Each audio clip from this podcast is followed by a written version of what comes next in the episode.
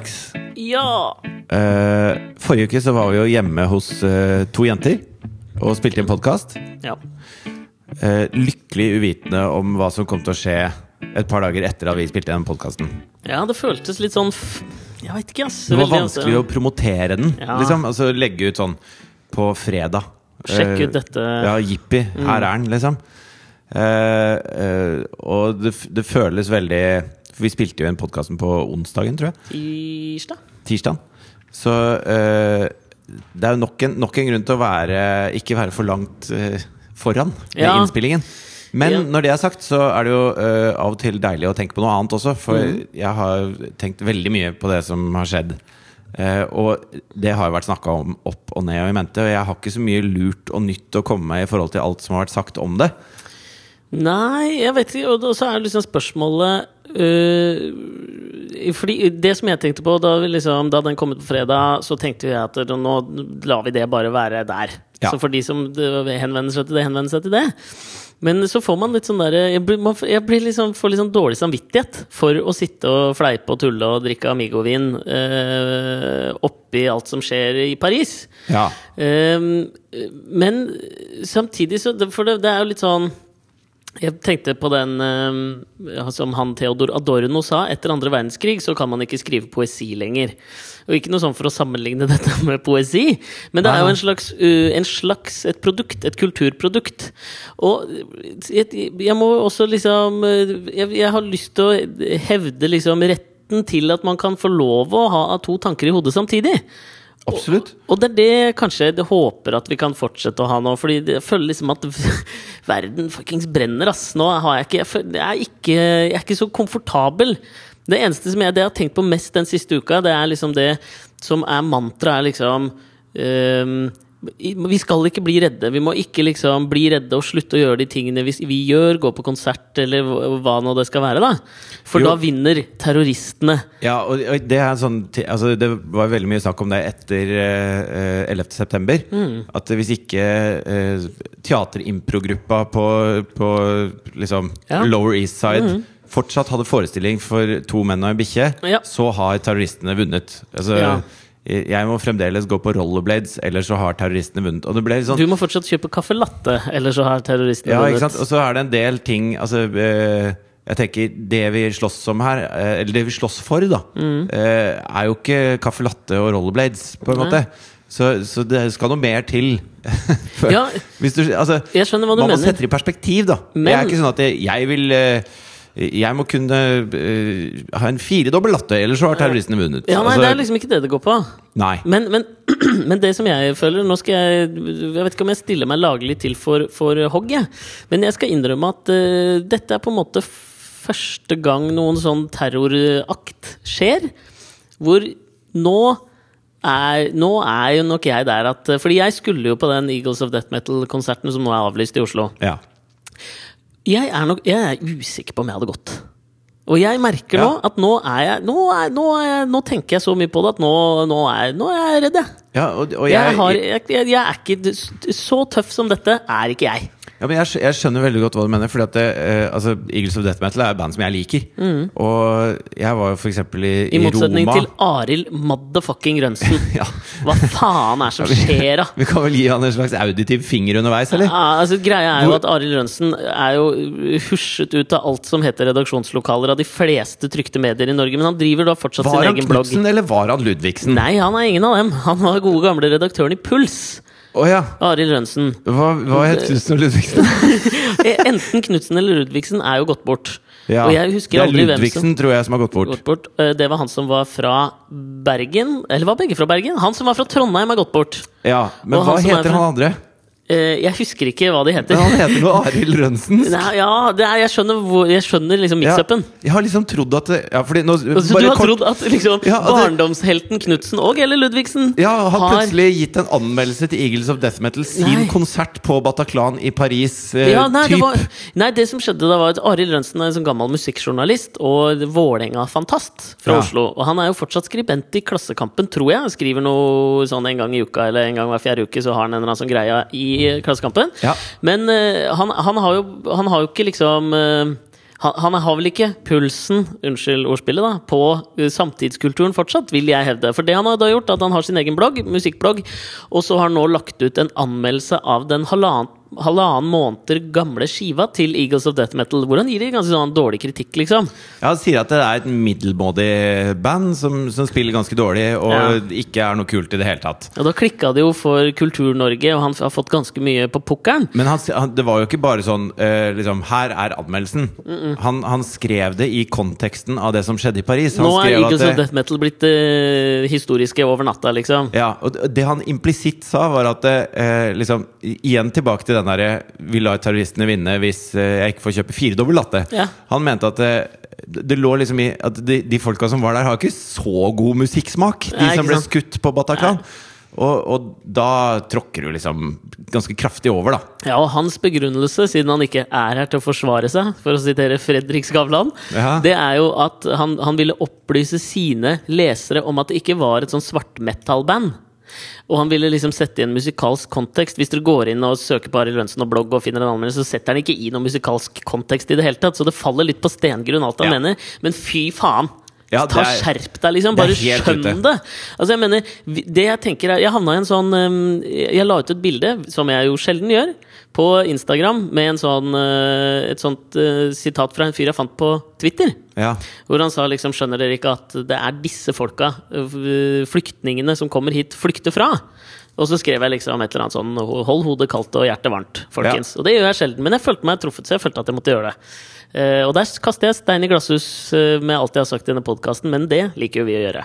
Og da Ja. jeg en sånn Da var det en som kommenterte på bildet mitt, som var liksom sånn eh, ganske tydeligvis litt uenig i det jeg hadde posta der, da. Og da merker jeg at jeg tenner på alle plugga med en gang. Satt i middag på fredag, så ser jeg så tikker inn en sånn kommentar, så kjenner jeg at jeg blir ordentlig forbanna, liksom. Ja, For nå dreier det seg jo plutselig om noe ordentlig. Ja. Altså Én ting er hvis man eh, har en mening om, eh, eh, ja, om et, noe, noe kulturelt, eller en bok eller en film, eller hva faen. Jon så Fosse fortjente ikke Ja, så folk gleder med deg, og så er det bare greit, liksom. Ja, men her følte jeg liksom jeg ble- Dette er viktig. Jeg ble ordentlig sinna, liksom. Og så da merker du jo at det klør i tastefingra, at du har lyst til å svare liksom 'herregud' og bli forbanna. Men så la jeg fra meg mobilen litt. Og tenkte meg om og spiste noen dumplings sammen med noen venner. Mm. Og så liksom gikk jeg tilbake og så skrev jeg bare inn sånn Så utrolig synd at vi ser så ufattelig forskjellig på denne situasjonen og hvilke følger den bør få. Og da svarte hun meg en liksom, vet du hva, nå, eh, Da gikk det liksom en halvtime, eller sånn, og så fikk jeg svar igjen fra hun som hadde vært rimelig uenig med meg. Så skrev hun liksom Vet du hva, nå har jeg lest meg opp på dette her, og jeg er helt enig med deg. Og da tenkte jeg kjempebra! Ja, Da Og det er liker du henne enda bedre. det mener jeg, altså, virkelig respekt. Hvis man endrer mening, det har vi forfektet lenge i denne podkasten. Det er dritbra, det støtter jeg. Ja. Og det er det jeg bare mener. Arild Rønsen, kunne du ikke liksom bare Vet du hva? Jeg, her gjorde jeg en tabbe. Jeg sletter det blogginnlegget. Sorry, jeg legger meg langflat. Har du Ja. sluppet alt! Men det er veldig deilig at eh, din gode venninne Maria Mena fortsatt leser henne, da. Fy faen. Det var ikke det. Det var ikke det. Nei, men det eh, Fordi at det, eh, Apropos kaste stein i glasshus, da. Mm. Eh, jeg har jo et, et altså Jeg føler på en måte at det er mange ting som, som er veldig tydelige for meg. Ja. Eh, når det gjelder eh, altså type Skal det norske politiet være bevæpnet, Mm, mm. Eh, skal, skal man ha et samfunn som overvåker all kommunikasjon eller ikke? Altså, Mm. jeg har heid veldig på Snowden og det at han eh, gjør oss oppmerksom på hva regjeringer driver med, og alt mulig sånt, Ja. syns jeg er veldig viktig. Og så kommer en sånn ting som Paris, og så kjenner jeg at det, jeg begynner å stille spørsmålstegn ved de tingene som har vært helt innlysende og selvsagte. For det er jævlig lett å sitte og være supertrygg i Norge og, og mene åssen en ideell verden skal være. Ja. Men når du merker at verden ikke er ideell, så, øh, så begynner man å stille spørsmålstegn. Og så når det da går ut i avisene og sier at det, øh, altså det med bevæpningen av norsk politi skal utvides, mm. så tenker jeg på, på ett plan så tenker jeg faen, og på et annet plan så tenker jeg Ja. ja, det, er at noen har gønnere liksom, når, når det braker løs. I Eh, frykt for å liksom bli Du så Donald Trump sin tale etter Paris-terroren.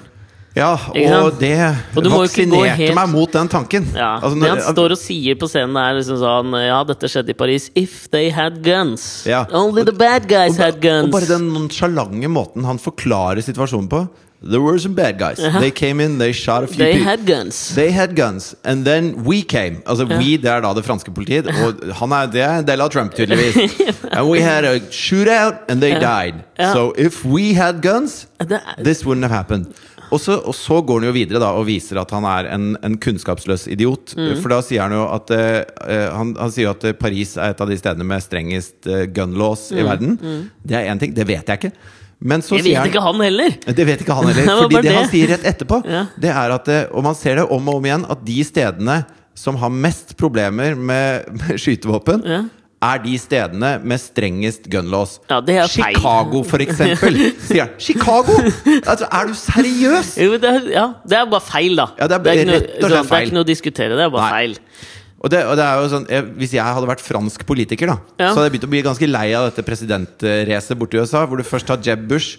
Som sier at eh, altså senator har de sånn fransk arbeidsuke. Fordi at han mener at senator bare jobber et par dager i uka. Mm. Ja. Og så viser det seg at franskmenn er jo de i Europa som jobber mest. De jobber jo mer enn tyskerne. Ja. Så da, jeg, da var det liksom en fransk eh, sånn, i regjeringen som tweeta tilbake til Jeb Bush. Da så sa han liksom Nei, eh, fransk arbeidsuke er litt feil. Vi jobber dødsmye. Men 16 ukers eh, mammaperm, det har vi. Og det er vi ganske stolte av, faktisk. ja, det liker jeg. Og så kommer Trump og sier at dette er egentlig politikerne sin feil, som har så strenge gun laws. så derfor er det politikernes skyld at dette skjer. Og, det- er det jeg mener at jeg jeg tenker at det, det at vi har sittet her og hatt liksom, Dette er episode 166 av denne podkasten.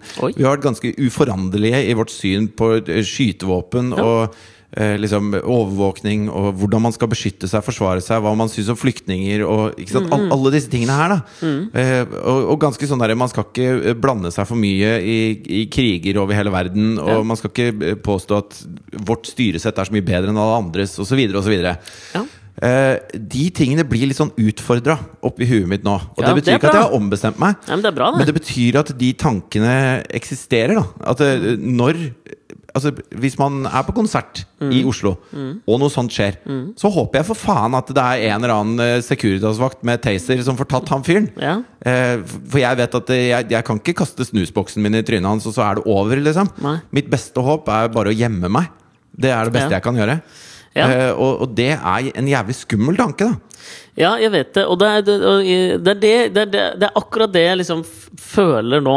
At jeg går og tenker på liksom sånn Jeg har vært ute og spist middag, eksempel. Ja. Og så merker jeg at tanken går liksom sånn vi, øh, Vi og- kan leie en film og ringe Foodora også, liksom. Ja, eller så er vi litt mye tryggere. til Foodora i det siste, liksom. Ja, men, jeg du, du føler, tør altså- å gå ned Torvald Meyers gate, selv om noe har skjedd i Paris. Ja, men jeg tenker jo på det. Altså, sånn, jeg var ute og spiste, og da merker jeg at jeg sitter og tenker på liksom sånn Hvor, hvor hadde jeg kasta meg ned nå, hvis noen hadde kommet inn? Og det er så Som de mafiosoene som alltid bestiller bord med ryggen mot veggen. Sånn at du ser hele lokalet. Og det er derfor gangstere i Oslo sitter bakerst i bussen. For da har du ingen bak deg, ikke sant? Men jeg mener at jeg virkelig tenker jeg, jeg, Nå tenker jeg på det. Og så er det den eh, rasjonelle delen av meg som tenker liksom sånn Ok, dette det skjer ikke. Nei. Men så, samtidig så Det kan det, skje. ja, så er det en liksom sånn Nå føles det like rasjonelt å tenke at dette kan skje. Ja. Og da blir jeg sånn så Oppi det så blir jeg dødsirritert på meg sjøl, fordi jeg føler da at liksom det alle sier, er jo liksom ikke ikke tenk sånn. Ikke la, det er det som er terrorisme, liksom. Det er å skape frykt. Det er jo alt det dreier seg om. Ja, ja. Men sorry, ass. Jeg, jeg, jeg tenker sånn nå, jeg. Og jeg, det, det, jeg føler at jeg, jeg savner den stemmen i offentligheten som sier, vet du hva, jeg er pissredd, jeg. Og jeg er pissredd, jeg. Altså, det er fullt lov å være pissredd. Og hvis du kan ta ytterste konsekvens av Men, det, men så er jo det at den, den, det er ikke så mange som sier det?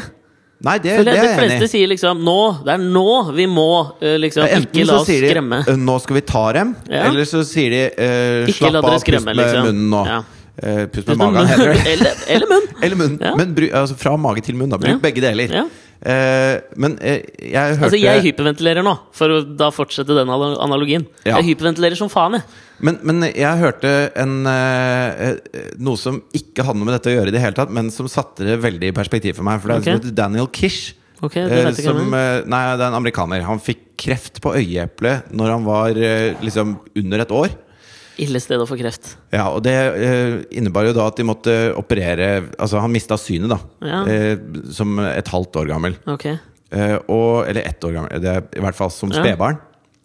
og han hadde foreldre som, eh, eh, som hadde bestemt seg for at det skulle ikke være et handikap for han. Nei, nei. Og det er han flaggermusmannen. Altså, han har vært på 60 Minutes, og han har vært på overalt. Og han lager Daredevil, er det han som er den, den uh, superhelten som er Han er blind. Han er en slags, en slags real life daredevil. Verdens dårligste superheltfilm med Ben Affleck og Jennifer Garner. Fy faen, den suger. Men, men i hvert fall, så han uh, begynte å lage klikkelyder. ja.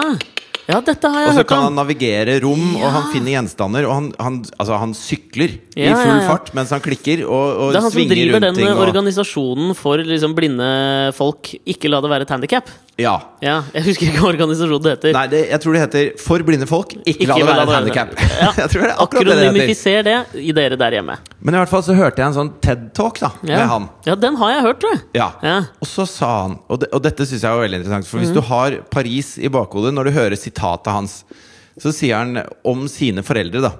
Ja. Så sier han at de forsto at uvitenhet og, og dette her er spilt inn lenge, lenge før mm. og har ingenting med noen terroraksjoner å gjøre. De forsto at uvitenhet og frykt er ting som eksisterer i hjernen, og hjernen kan tilpasse seg. De mente at jeg skulle vokse opp med de samme frihetene og det samme ansvaret som alle andre. De visste forskjellen på kjærlighet og frykt. Og frykt gjør oss ute av stand til å takle utfordringer. Og de visste at det å være blind har mange utfordringer med seg. Men jeg ble ikke oppdratt til å føle frykt. De satte min frihet først foran alt annet, og det er det kjærlighet gjør. Og det betyr at eh, Jeg kjenner meg veldig igjen i det med min lille sønn. da Jeg har ikke lyst til at han skal dette ned fra kjøkkenbordet. Nei. Selv om han klarer å klatre opp dit. Og han kommer til å dette ned hvis ikke jeg fanger han. Ja. Eh, men det de foreldrene gjorde med han Daniel Kish, som da er blind ikke sant? De lar han dette ned fra kjøkkenbordet. Og så slår han seg, og så tenker han fy faen, det må jeg prøve å ikke gjøre en gang til. Ja. Og så blir han da en fyr som ikke har et handikap. Og vi eh, i den vestlige verden nå, da, vi blir presentert med en stor frykt nå. Uh, og og jeg, jeg føler at foreldrene til Daniel Kish, som klarte å skape denne fyren, som tross alt har vært blind siden han var ett år, Ja. de eh, eh, ga meg på en måte fasiten da, til å takle min frykt overfor det som skjer. Ja, jeg, jeg, ja, jeg skjønner. Rasjonelt forstår jeg dette her. Det var det samme som jeg så han ene eh, Han som har gått eh, viralt nå, han ene franskmannen hvis kone ble drept på Bataclan. Ja. Og så hadde de en 17 måneder gammel sønn. Og så hadde han la, la, lagt ut en video Nei, han lagt ut en tekst på Ja, et Facebook. brev, ja. Ja. Hvor at uh, 'Dere får ikke hatet mitt'. Nei. Og liksom, ja i bunn og grunn liksom gi fingeren til det som terrorisme da skal skape. Den frykten, ikke sant? Og jeg sitter og ser på det, og jeg griner. Og jeg, litt sånn som du Når du leser den, så skjønner jeg det. Men så vender jeg meg tilbake til liksom hverdagen. Og så er jeg klarer ikke å la det synke inn sånn at det endrer at jeg er redd nå, liksom. Nei, men, men altså, jeg tror at det å det kjenne, på, kjenne på den frykten, kjenne på at dette er reelt, det tror jeg er kjempeviktig.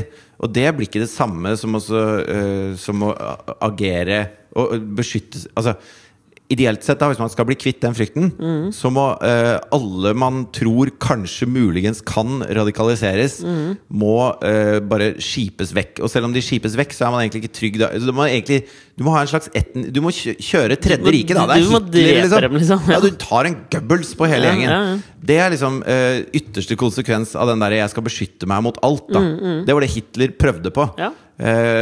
Med veldig lite hell, da, kan, jeg, kan man si. Ja, altså for, for hans del var det jo med stort hell. Han, Ja, men, men når du ligger og liksom- brenner i en eh, grøft sammen med kona di Ja, eh, i 1945, så føler du deg ikke fryktelig heldig, tror jeg. Ikke da, Nei. men på veien til helvete var brolagt med jævlig mye dårlige intensjoner for han, da. Ja, det var det. Ja. Men, og, og dit vil man jo ikke. ikke sant? Og når vi snakker om, eh, vi snakker om flyktninger fra Syria, så er det jo veldig eh, Eller det var for noen dager siden veldig få som snakket om at eh, dette er jo folk som flykter derfra.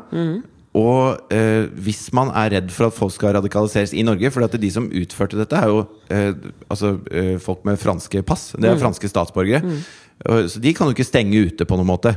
Eh, men hvis du vil at de ikke skal radikaliseres, så er du nødt til å få inn folk som kan moderere eh, eh, noen av disse samfunnene. Da. Og, og det er klart at de som flykter fra Syria, som syns at det IS har gjort der nede, er et pult helvete.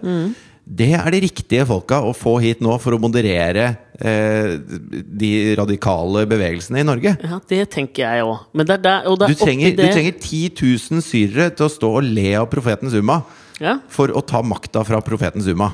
Ja, jeg er helt enig. Og det er derfor jeg ikke klarer helt å forstå liksom, Nå leste jeg rett før vi satte i gang, så at jeg bare leste, så går eh, Frp fram 7,4% på siste måling.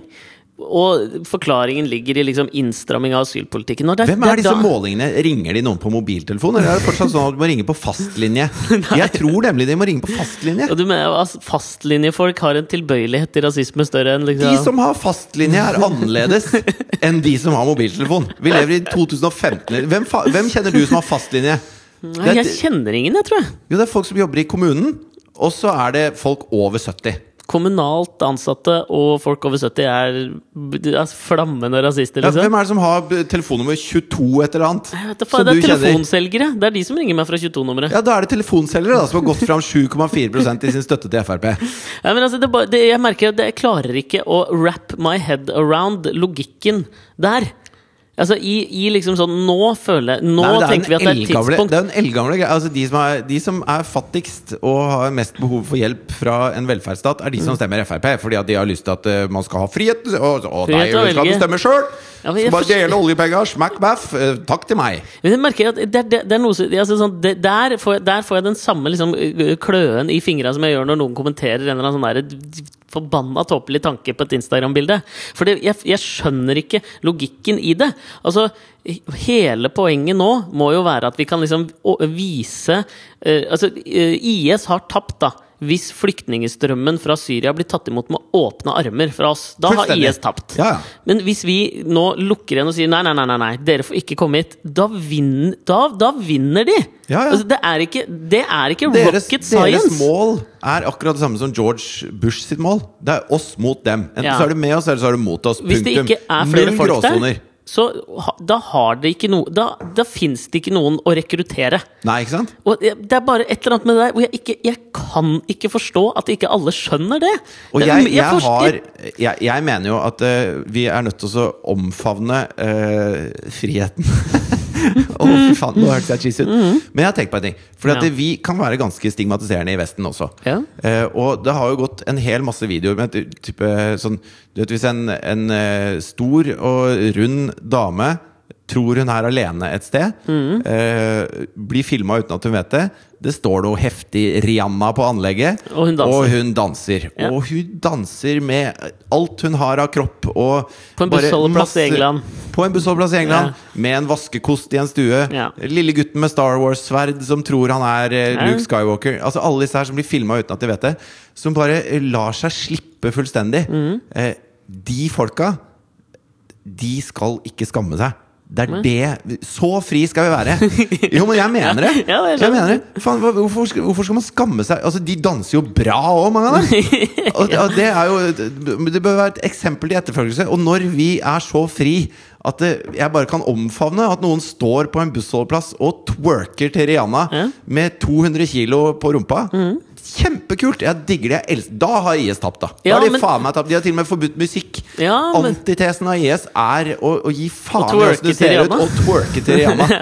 Kjempedeilig. Men jeg, jeg, jeg er helt enig, men det er der jeg mener at vi har en vei å gå sjøl. For jeg så hun der, Hun eh, litt store burleskedanseren som var i den semifinalen på Norske Talenter. Ja. Som fikk liksom Det var ikke udelt positive tilbakemeldinger når hun var lettkledd og tjukk og dansa, liksom.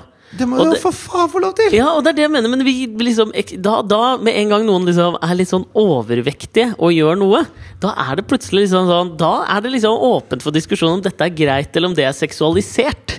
Klokka halv ni på en eh, fredagskveld. Og da merker jeg ok, vi har en liten kime av IS i oss, vi òg, for faen. Det er klart vi har det. Og det merker jeg at også er liksom sånn det, det, jeg, jeg merker at det liksom bugger meg litt, fordi uka etter står det en magedanser som er akkurat like lettkledd. Hun er bare tynn, liksom. Null diskusjon. Ja. Så vi må, vi må ikke bare se flisen i vår nestes øye, vi må se bjelken i vår eget òg, si! Ja, altså Vi må ikke le av de menneskene som blir filma uten at de vet om det. Vi må, vi må hylle. Vi må nyte movesa. Altså, vi må, Vi må bare- twerke mer som Rihanna. dette her er, dette her er, det er et liv med oppsparte moves. De har stått og sett på folk på dansegulvet hele livet. Så tror de de er aleine, og så sprenger det ut som en, som en altså, eh, Ejakulasjon av glede. Og det er så deilig! Jeg elsker det.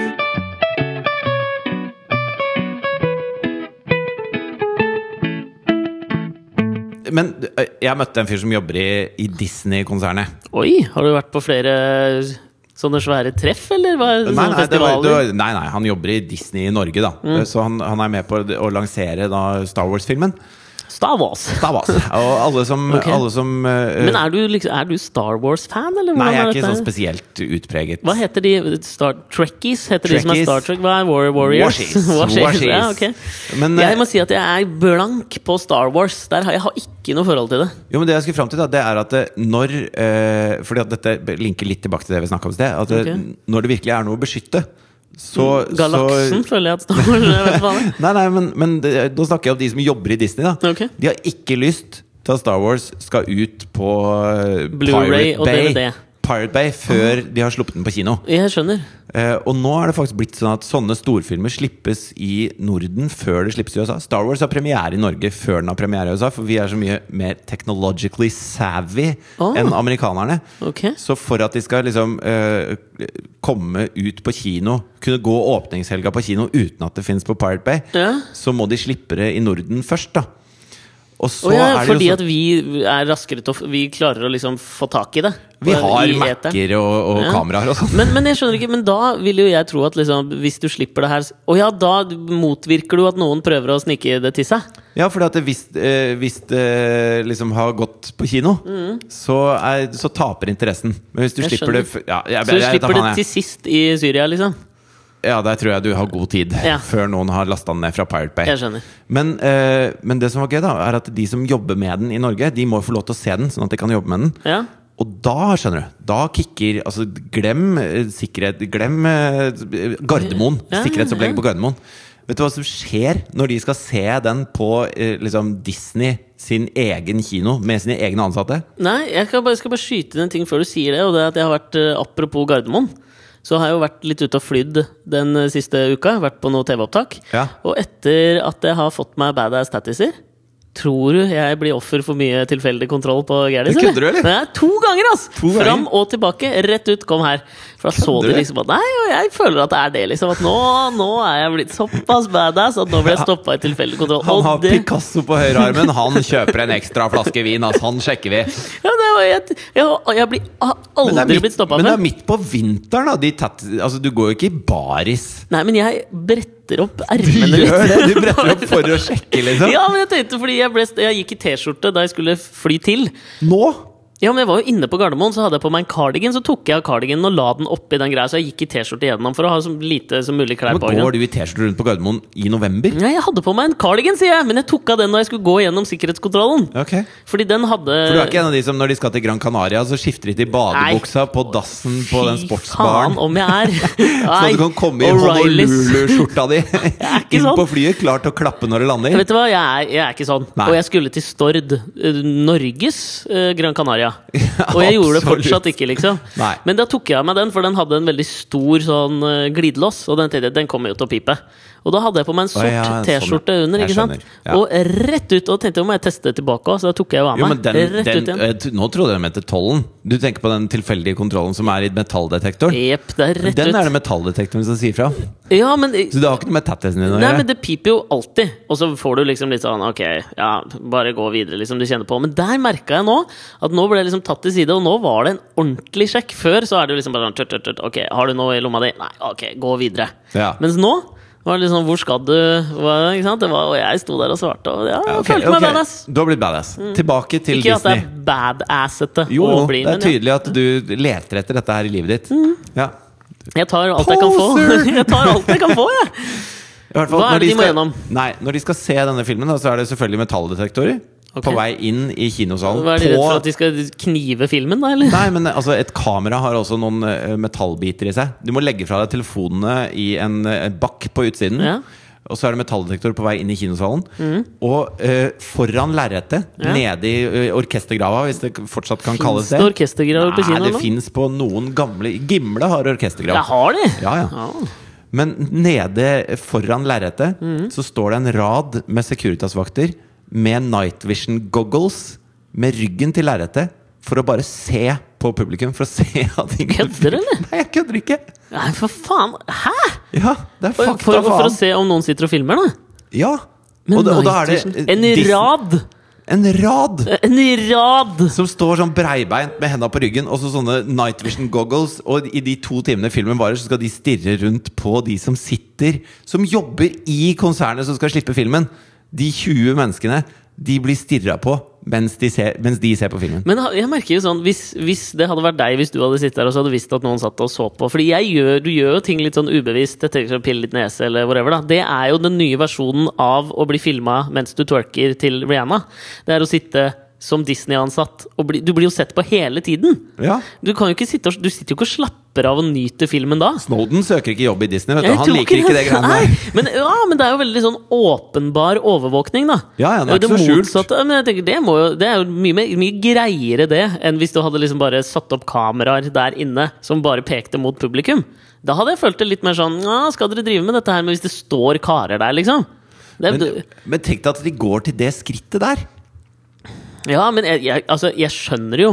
Men jeg, jeg, for, du vil jo ikke at den skal, skal lekke i, i forkant. Det, det forstår jeg. Ja, det skjønner jeg jeg, skjønner det. Det skjønner jeg Men da kanskje det heller har noe å gjøre med det. Liksom sånn, øh, hvis du tar øh, overgangen til radikalisering, da.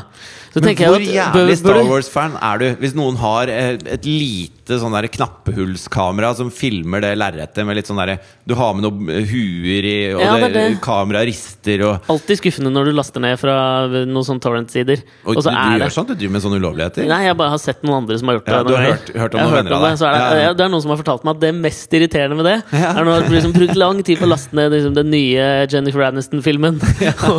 Og Daredevil. det er den nye Daredevil 2. Ja.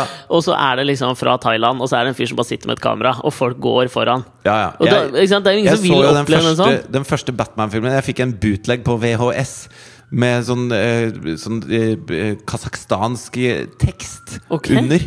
Ja, men du, Det du vil jo aldri ha de. De Nei, vil du ikke ha, så da må du være jævlig Star Wars-fan. Ekstremt. Men fordi det er det jeg ikke helt forstår. Liksom sånn, øh, hvis Disney-ansatte, de som jobber for å promotere filmen, Ja. det er jobben deres. Ja. De er jo såpass rasjonelle at de skjønner at hvis jeg lekker denne her, så kommer jeg til å ha litt mindre å gjøre. Kanskje Jo, sånn hvis de har et alter-ego på nett som heter liksom uh, Star Wars uh, Hater Star Wars 98. Buff at hotmail.xxx.com, me Ja. så, så er det jo klart Du, får jo, eh, du blir jo hyllet av en annen gjeng, da. Hvis Ja. du slipper dette. ja, jeg skjønner, men jeg føler ikke at det liksom veier opp. Nei, tenker, er Hvis du må legge fra deg alt utenfor, hvorfor skal de stå der og hva- Hva er det du har igjen å kunne filme med? Altså du kan skrive Det du kan, det du kan gjøre, at de, du får ikke lov å oppleve filmen i forkant, for du kan jo skrive et eh, artig referat av hva som skjer på slutten. Kanskje bare burde, Hver gang det skjer et eller annet, så går de sort. Sånn at de også skal være spente, liksom. Ja, men det er For da, det de da kan de si at Vet du hva, jeg gleder meg så inn i helvete til å se denne filmen. Ja, De får se alt har... opp mot Ja, klimaksscener. liksom, det, det vi i TV-bransjen kaller å kliffe. da Ja. sånn, Og vinneren er Og så stopper det. Og så, Og så filmer de tilbake alle etter reklamen. Ja, Så får du sånn close-up av alle Alt for Norge-deltakerne mens de venter på Den som går videre og får møte familien sin, er dong-dong! Og så er det reklame. Ikke sant? Og så Ja. må du oppsummere igjen etter reklamen hva som har skjedd før. Ja. Ja, er det, men det, er det hadde jo vært en der har, vi jo, der har du en million dollar i det som du kan selge til Disney-konsernet. Kliffe alle nye filmer. Ja. Sånn at de får se liksom sånn Si at de ender opp med å se kanskje 30% av filmen. da Ja, for da kommer de til å være jævlig stalka på den nye Star ja. Wars-filmen når de snakker med andre. Skulle jobba med PR, du. Ja, men jeg gjør på en måte det gjennom denne podkasten. Det er mange sånne eh, PR-bransjefolk som eh, Jeg gjør på en måte det! ja. ja, men jeg tror de sitter oppe på BBDO og sånn og, og følger med som Nei, helvete. eh, Eksisterer BBDO fortsatt? Jeg jeg føler at det? en gangbar mynt hadde liksom vært try. Hvis du skulle Eller liksom og Kise. Gelmonden! Hva faen heter det? Gelmøyden! Hans Gelmøyden! Kan ikke si det. Det skrives Gelmunden. Nei! Gelmynden? Gelmøyden! Møyden? E G-e-e-l-m-u-y-d-e-n. U! Gelmøyden? Mun, Det er ikke noe N der! Muden. Fuck han. Uansett.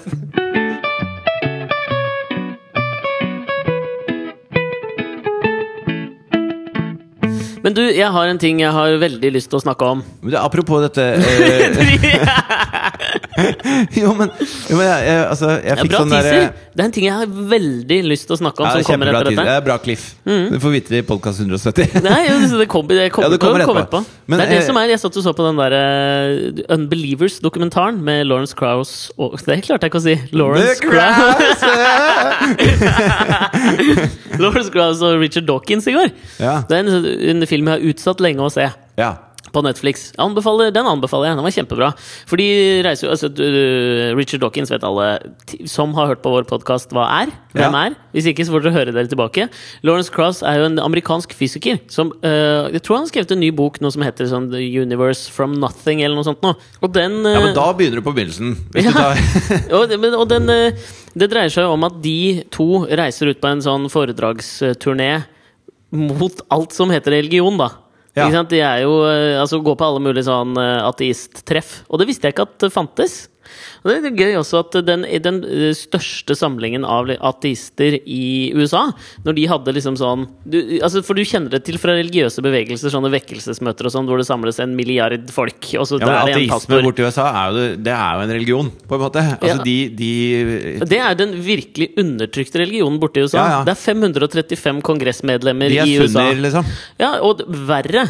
535 kongressmedlemmer i USA. Det er én som har stått fram, stått fram og sagt at han er ateist. Ja, det, Og det er jo ikke sant, ikke Det er sant? mer stureint å være homofil enn å være ateist. Ja, det er jo det. Ja. Så det er en undertrykket gruppe. Og det som var gøy, var at de var på den største, var samlet Det er så deilig at jeg er en del av en minoritet. Ja. Det føler jeg er, det Jeg er føler jeg er en det. trygghet. Ja, veldig fint. Jeg er alltid en sånn majoritetsperson. Ja, det er nettopp det. Hvit mann fra Norge. Du, du har liksom, det er Ja, ingenting å ta jeg deg bor på. et sted hvor, hvor jeg på en måte det å, Jeg må jobbe for å være minoritet, men det er deilig at ateismen kan være min minoritet. Ja, men det er, og jeg veit ikke om det er det i Norge, men i hvert fall hvis du hadde flytta til USA, så hadde du virkelig vært i en minoritet. For det som var gøy òg, var jo at på den uh, De kalte det The Reason for Ra nei, The Rally for Reason, tror jeg den het. da Ja. Og det var den største samlingen av liksom, ateister uh, i USA noensinne. 30 000 folk, mange sånne kjente. Uh, Dawkins hadde foredrag, Lawrence Cross hadde foredrag, Sam Harris Altså mange av de kjente gutta Ja. hadde foredrag. Og ingen TV-stasjoner, ingen medier, turte De skrev ikke om Men det. har de ikke laget en ateistisk, Jeg tror det heter ateitisk. ja, ja, men jeg, jeg gikk på kurs hos Gelmynden og Kise her. Det heter ateitisk. Eh, Artistisk, tror jeg det heter. ja, men har de ikke laget en TV-kanal som er liksom ateist-TV? Er er det liksom Som en parodi liksom- parodi på Nei, men det er deres versjon av ES-TV, da, altså Ja, ja. kristen-TV. Bare ateist-TV. Har du gjort det, eller? Jeg tror det. Men det, hvorfor må alltid sånne ting være så jævlig dårlig produsert? For de har jo ikke penger! Ja, men faen heller! Jeg kunne jo kommet inn og laga de greiene for dere. jeg. Men det som var poenget mitt, var jo bare at eh, det det var det jeg syntes var gøy her nå, eh, og som er gøy i podkast. Hvor de liksom grunnen til at de to ville reise ut og, og liksom gjøre den foredragsturneen sammen, hvor de liksom sitter sammen i store konsertsaler De var på Operahuset i Sydney, liksom. Det kommer masse folk. Og det de mente, var at samtaler som ikke er planlagt, for de planla ikke hva de skulle prate om, de er de mest interessante å høre på. Ja. Og det er det jeg følte litt nå. Jeg følte at vi traff litt. Med sammenligning for øvrig som Lawrence Cross og Richard Dawkins. Ja, ja, okay. Hva var ditt apropos til den dritspennende tingen jeg har lyst til å prate om etterpå? Uh, det var egentlig uh, det å profilere seg selv, altså som reklamebyrå. Det var der jeg linka videre. Okay. Fordi at jeg så at Lena Alexandra Øyen hadde bursdag her om dagen. Å, gratulerer! Du, vi Også- traff jo på henne her. Ja, Det var litt kleint, kanskje. ja, fordi jeg følte at hun og jeg Vi linka skikkelig på Masterchef. Ja, du, grattis med tredjeplassen, forresten. Jo, takk skal du ha. Det, ja, og det har jeg fått liksom kommentarer på fra kompiser og sånn, og at de har fulgt med på deg. da Syns du var veldig flink. Ja, men Det er hyggelig å Det var kjipt å tape for Heine Totland og en kickbokser, da. Ja, men Heine er, Heine er en jovial, koselig fyr. Men husker, Altså, du, husker du hva vi sa? Hva jeg sa da vi starta, da du starta i dette, her, så fortalte du hvem som var med, og så sa jeg han Heine Totland, sa jeg. Ja. Så han skal du ta så passe på. passe meg for. Men det hørte du ikke på! Jo, jeg prøvde å passe meg alt jeg kunne. Ja, det funka bare ikke. Ja, men jeg var imponert. Jeg syns du var veldig veldig flink. altså Jo, men i hvert fall, så jeg og, jeg og Lena Alexandra var jo litt sånn på lag av og til der nede. Altså, mm. Man blir jo delt inn i lag i noen oppgaver og sånn. Og, og Mm. Skal vi, vi begynne en- å kalle henne Mats Andersen? Det er Samme sveis? Men uh, nå har hun fått eh, langt hår igjen. Nei, hva? Er det extensions, da, eller? Jeg veit ikke, men okay. Håret er sluppet ned, i hvert fall. Ok. Eh, Jeg håper det ikke ble sluppet før premieren, da, så noen fikk Ja, morsom! Men eh, jo, så, så hadde vi jo et sånt eh, segment i podkasten hvor jeg snakket om eh, Lena Alexandra og hennes eh, motivasjonsmusikk osv. Ja, og så har jo Eh, jeg lagt ut litt sånne ting på, på Instagram og sånn. Ja, Hvor jeg dissa litt. Hvor hun liksom gikk inn og lika og sånn. Det er alltid litt flaut, da. og hun gjorde det. Ja, hun var inne og lika. Jeg hadde, jeg hadde liksom klippa sammen en del av de motivasjonsrådene hun gir på Facebook. Å, ja, og så ja. liksom klippa jeg dem sammen til ett bilde, og så er jeg huff, det var deilig å starte dagen sånn, liksom. Nå er jeg, nå er jeg i vater igjen. Ja, men jeg tror ikke hun skjønner ironi. Nei, du! Klart hun gjør. Nei, det tror jeg ikke. Ja, men Forrige lørdag i hvert fall, Ja, så så- var du og jeg ute.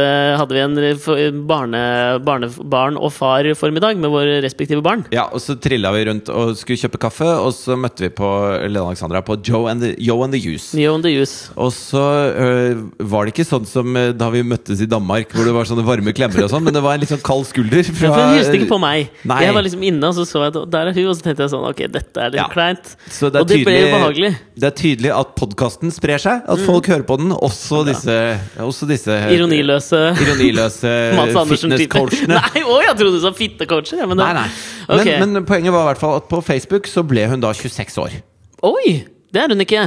Nei, så gikk jeg inn på Wikipedia, og der eh, for, å, for å heter hun for det første ikke eh, Alexandra. Hun heter Lene Øyen. Okay. Eh, og hun er 34 år. Og Ja, dette syns jeg er rart.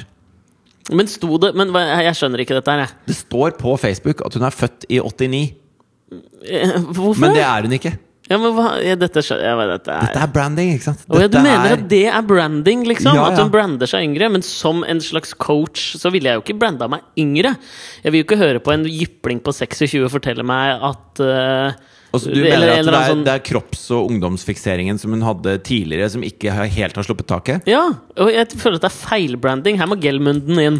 og si- hvis- Gelmynden må inn her og fortelle Lene Alexandra Øyen, Lene Øyen at du må ha alder, du må ha noen år på baken før du kan liksom komme og gi folk råd om hvordan de skal leve livet sitt. Ja, jeg tar ikke imot coachingtips fra Thea på åtte, liksom. Nei, du gjør jo ikke det. Og det er liksom, nå så jeg det fantastiske. Som jeg, jeg må på det. Uh, Gry Jannicke Jarlum. Er gammel referanse, men for de som ikke husker henne Jeg en husker henne utmerket godt. klin kokos popartist. Hun er hakke gæren, ass. Hvis dere husker låta 'Svake mennesker', så er det hennes låt. Det var jo hennes claim to fame. Hun har vel ingen andre låter enn det? Nei, det er bare den, men så, men så ble hun jo en sånn der, en vedvarende figur i Se og Hør-universet. Ja. Med at hun, hun trodde vel på aliens. Hun er blitt og- bortført av aliens. Ja, det var det, ja. Ja, og Ja. hun er jo Anal probe, eller? Jeg vil jo tro det. Ja, det er det de driver med. Eh, Det er det de gjør. Ja, hun, en litt sånn stående vits, da, kan man vel si. Ja. I norsk semi-offentlighet, på en eller annen måte.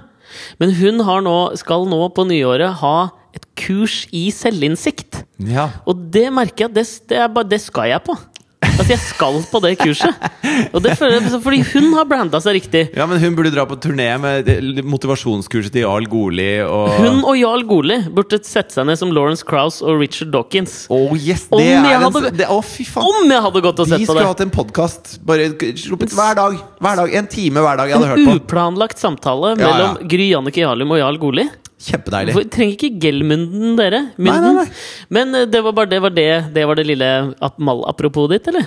Eh, ja. Ok, Fordi de, Jeg har et til på Facebook. Ok, kom, kom, Apropos kom. Facebook, som Fordi jeg lanserte jeg, har, jeg har jo noe som kommer etterpå her, som jeg er Jeg har begynt å få masse porno-friend requests Ja, på Facebook. Du, er, du tagger så mye pornoting. Ja, og jeg prøver for faen å bli kvitt det. Men du vet at det, altså sånn, det du blir, de du får venner av, og det du blir tagga i, reflekterer søkehistorikken din. Nei, men eh, altså Jo, jo. jo, jo. Katrine bortreist om dagen, eller? Nei, jo, hun er i Dubai Ja, akkurat nå. Men, Ja, eh, men dette har vart en, en måneds tid. Det er ikke Så bare jeg, jeg som har litt vondt i hånda. Hør nå. Altså, jeg får eh, eh, sånne friend requests fra eh, unge jenter Mm. som har nettopp opprettet eh, eh, Facebook-konto. Og det er to bilder der. Mm. Eh, og de har ikke skrevet noen ting. Og så har de gått på universitet i Stockholm eller Oslo. Eller, okay. Og de, de, har liksom, de heter liksom eh, Petra Christiansen og okay. sånn erkenorske navn, liksom. Ja, for det erkenorsk? Det var Ja, det første. Det var veldig dansk! Erkenorske navn som Petra Christensen. Okay. Ja, er andre erkenorske nordiske navn, da. Kari Nordmann. Ja, men de heter jo ikke Kari Nordmann. Kari, Kari Olsen. Ok, det, kan det, fint, det, det kunne fint hett. Men i hvert fall, det som er gøy, da, er at eh, nå har jeg jo skjønt Fordi at det, jeg har sånn derre Jeg sier bare ja til alt. Ja, det gjør jeg også. Bare yes, yes, venner, venner, venner. Ja. Og så plutselig var det sånn Du har blitt tagget i et bilde, og så er det et bilde som du ikke har lyst til å være tagget i. Cumshot-orgie Ja, på den danske ambassaden. Chatte Chat sånn, med unge Pio. Sånn sexchat-drit som er meg og 99 andre. For jeg tror det er sånn cap på 100 på Facebook. At Ja. du har ikke lov å tagge mer enn det. Ehm, og så fjerner du og rapporterer som spam og sletter bruker Og så går det fem timer, så tagga jeg et nytt. Og så er jeg bare sånn Ok, her må, her må det ryddes, liksom. Ja. Og nå kjenner jeg jo igjen de profilene. Så jeg, jeg, jeg, for jeg får, nå får jeg tre-fire om dagen. Liksom, Du er en slags. Facebook-pornoens Edward Snowden. Ja, er en jævla pornomagnet på Ja. Facebook, tydeligvis. Okay. Men så, eh, så er det jo gøy, da, for nå lar jeg det bare ligge der. Ok. Så jeg, jeg, eh, fordi at Hvis jeg lar det ligge et par dager, så stort sett da så fjernes det av seg selv. Okay. Så jeg trenger ikke eh, si ja eller nei, for det er tydeligvis noen andre som rapporterer det som spam. Og da slipper jeg å jobbe med det, da. Eh, men det som er gøy, Ja. er å gå inn og se hvilke felles venner man har. Fordi. For at du, Først så får du den, så er ingen felles venner. Og Mhm. så sjekker du Facebook dagen etter, og da er det to felles venner. Ja. Alltid de samme, eller? Alltid de samme. Ok, Hvilke to er det? Dette er gøy, skjønner Ja, du. Skal tippe først, da? eller? Tippe to felles venner. Begge er eller har vært i medias søkelys de siste 15-20 årene. Ok, men da, jeg De er menn, for å si det ja, den, eh, mildt. Ja, jeg tipper Jeg har Nei, lyst til de er nesten menn. Ja, ok, jeg tipper Christian Valen. Nei. Ikke Christian Valen. Ok, Infinity-Kjell. Nei, men du er inne på noe i sånn derre Segment, liksom. Ja, ish. Eh, Du kommer aldri til å tippe det. Okay, Han bor i Kongsberg. Og Vegard Thomas Shortcut Olsen! Bingo! Han er venn med alle disse porno, fake pornosidene. Ja, ja. Men den andre, okay. den kommer du til å slite med. Um, Ganske lav mann. Hasse Hope. Nei. Briller. Per Sundnes! Per Sundnes! Ja, Per Sundnes og Per Vegard Sundnes! Thomas Shortcut Olsen! Sier ja kombo! Men det vil jo si at dere har en slags form for sammenfallende Det jo det, det dåna på meg nå. Jeg er jo den tredje av dem. Ja, ja. Faen. Det er også en podkast jeg hadde, tenkt, hadde hatt lyst til å høre. Per Sundnes, Vegard Thomas Olsen og, Og meg Fridtjof selv. Nilsen snakker om Facebook-pornoens svøpe. Nei, det er kort podkast, Altså. Tror du det? Ja. det? Første episode har vært akkurat nå. Okay. ok. Ja, Det er nei, det men- vi hørte nå. Jeg likte malapropoet, men det som jeg hadde lyst til å prate om, var at jeg fikk en telefon fra et eh, ukjent eh, nummer i går. Alltid litt skeptisk eh, til å svare. Svare på telefonen, og det er din eh, stedatter Thea som ringer. Ja. Og det, Det det hun ringer for å fortelle, det Ja. er jo at hun skal bli skuespiller! Hun har fått seg jobb på Det Norske Teatret. Det her syns jeg er gøy på flere nivåer, på Ja. mange måter. Fordi at eh, jeg vet Hun er åtte år. Og har da fått en rolle i Kvitebjørn kong Valemon. Det stemmer. Ja. Eh, For meg, da, som gammel medlem av Noregs Mållags Ungdom, så er det jo fantastisk at hun søker seg til det nynorske teatret. Det Ja, hun kasta nok ut et bredere garn enn At det. hun søker seg til det teater Hun var sånn Jeg er med på hva som helst. Det var, det var mer der, Det er et liksom. sånn dårlig utgangspunkt, tenker jeg. da For det føler jeg det, det, Da ender du på Paradise Hotel. Nei, tydeligvis ikke. Du ender du på Det. Norske Teatret. Ja, men jeg synes det er veldig Det synes jeg er bra. Fordi, og det jeg syns er morsomt med at hun på en måte følger jo da i dine fotspor. Ja, for jeg hadde jo rolle på Oslo Nye Teater fra Ja. niårsalderen. Ikke sant? Sammen med Anders Hatlo. Ja. Den Nei, det var ikke med Anders Hatlo. Nei, det var på Lunitunes, Tunes, det. det var, Lunit- det var etterpå. Men uh, Per Kristian Ellefsen spilte Carlsson. Ja. Og, Og du var på taket? Nei, jeg var uh, vennen til lillebror. Ganske liten rolle. Spiste eh, var, Bursdagen til lillebror var en av scenene. Ja. Så hver dag, hver kveld i to og et halvt år spiste jeg kake på Oslo Nye. Ja, for jeg har sett noen barndomsbilder av deg, og Ja. it starts to Yes, make sense, sorry, bolla! Men uh, det ga meg en nisjekunnskap jeg senere har hatt bruk for. Og hva er det? Er det noe slags Kakekrigen! Ja, den skulle ha tatt fortere! Jo, nei, men fordi det jeg syns var gøy i den samtalen jeg da hadde med Thea, var jeg spurte jo litt, ikke sant. Ja, nei, hvordan føles det? Jo, nei, det er gøy. Hva skal du spille? Nei, jeg visste ikke helt hvilken rolle det var ennå. Nei, når skal du ha premiere? Det er jo ikke noen trillinger involvert, så det er sikkert en av de trillingene som møter Trillinger? bjørnen. Jeg husker ikke helt Kvitebjørn kong storyen. Jeg, Kjenner ikke jeg har lest den en gang. Ja, men det er lenge siden. Men det er det der Theodor Kittelsen-bildet alle husker. Ja. Men handlingen er det vel ingen som husker. Er vag. Det er en prinsesse som rir på en bjørn, eller? Ja, det er vel en, en jeg Er det tipper- bjørnen som er Kvitebjørn kong Valemon? Ja, jeg tror det er kong Valemon som er forhekset til å bli en bjørn. Ok, Eller han er en prins av noe slag. ok. Eh, tror jeg. Eh, Nok om det. Okay. Videre. Ja, det hadde vært gøy å vite, men det får jeg jo vite nå. Altså, jeg kommer til å kunne uh, storyen Kvitebjørn kong Valmon relativt godt om kun kort tid. Ja, fordi, Men det som jeg, som jeg liksom beit meg merke i i samtalen med Thea, for jeg hørte jo deg i bakgrunnen, og hun liksom fortalte til deg når jeg sa noe grådig artig på telefonen. Ja. Så snudde hun seg til deg og sa til meg, og så sa jeg liksom «Jeho, jeg kjenner en skuespiller, og så sa hun det. Fridtjof, Alex sier at han kjenner en skuespiller! Og så lo dere høyt og godt. ja. Og så kommer vi liksom til slutten av samtalen, hvor Thea sier Jeg skal bli kjendis! Og da tenkte jeg, for da hørte jeg deg i bakgrunnen App, app, app, nå! Du blir ikke kjendis! Jo, men det, det skal ikke være derfor hun har lyst til å gjøre sånne ting. Nei, og det, det, det er jeg jo helt enig i, men det var da jeg tenkte Du hørte ikke hva mer jeg sa etter det? Nei, for da la jeg på. Det er jo sånn med Thea. Ok, ha det! Dyrt, dyrt, dyrt, dyrt. Nei, fordi jeg sa, jeg sa til henne du blir ikke kjendis av det. Bare spør Alex. Han har vært masse på TV. Han er fortsatt ikke kjendis! Det hørte jeg ikke! Men eh, det som jeg syns var eh, Som jeg begynte å tenke på da, er jo hvor, når hun sier det, så er det jo et eller annet i henne som har et ønske om å bli kjendis. Ja, men det tror jeg ligger i eh, Det tror jeg ligger i liksom eh, skoleverket omtrent nå. Okay. At det er noe av det gjeveste du kan bli. Kjendis. Hos barna, liksom. Ok? Altså, Det har jo vært skrevet masse om det. sånn der, Før hadde de lyst til å bli astronauter og brannmenn, og nå har alle lyst til å bli kjendiser. Blogger, eller og- ja. blogger. Ja? Og, og, og Ja, det, det tror jeg ligger litt sånn implisitt i det. Altså, eh, de snakker jo om altså, ord Hun kommer jo med ord som sixpack og sånn. At gutta har sixpack. Okay. Hun vet ikke hva det er, da. Og det er fint, tenker jeg. Men det er, det er ord som florerer på barneskoler. Eh, Blogging, sixpack, altså sånne ting er gjeve ord. Ja, det, det, det, Kjendis, gjevt ord. Ja, En overførbar ting var det så jo nå har jo Cappelen Dam forlaget og Kolon forlag fått litt pes fordi de har betalt liksom folk, bloggere som Vanessa Ruder og noen andre for å blogge om bøkene. Fordi de blir ikke anmeldt i avisene. Og det føler jeg er et sånn Hvorfor har de fått pes for det?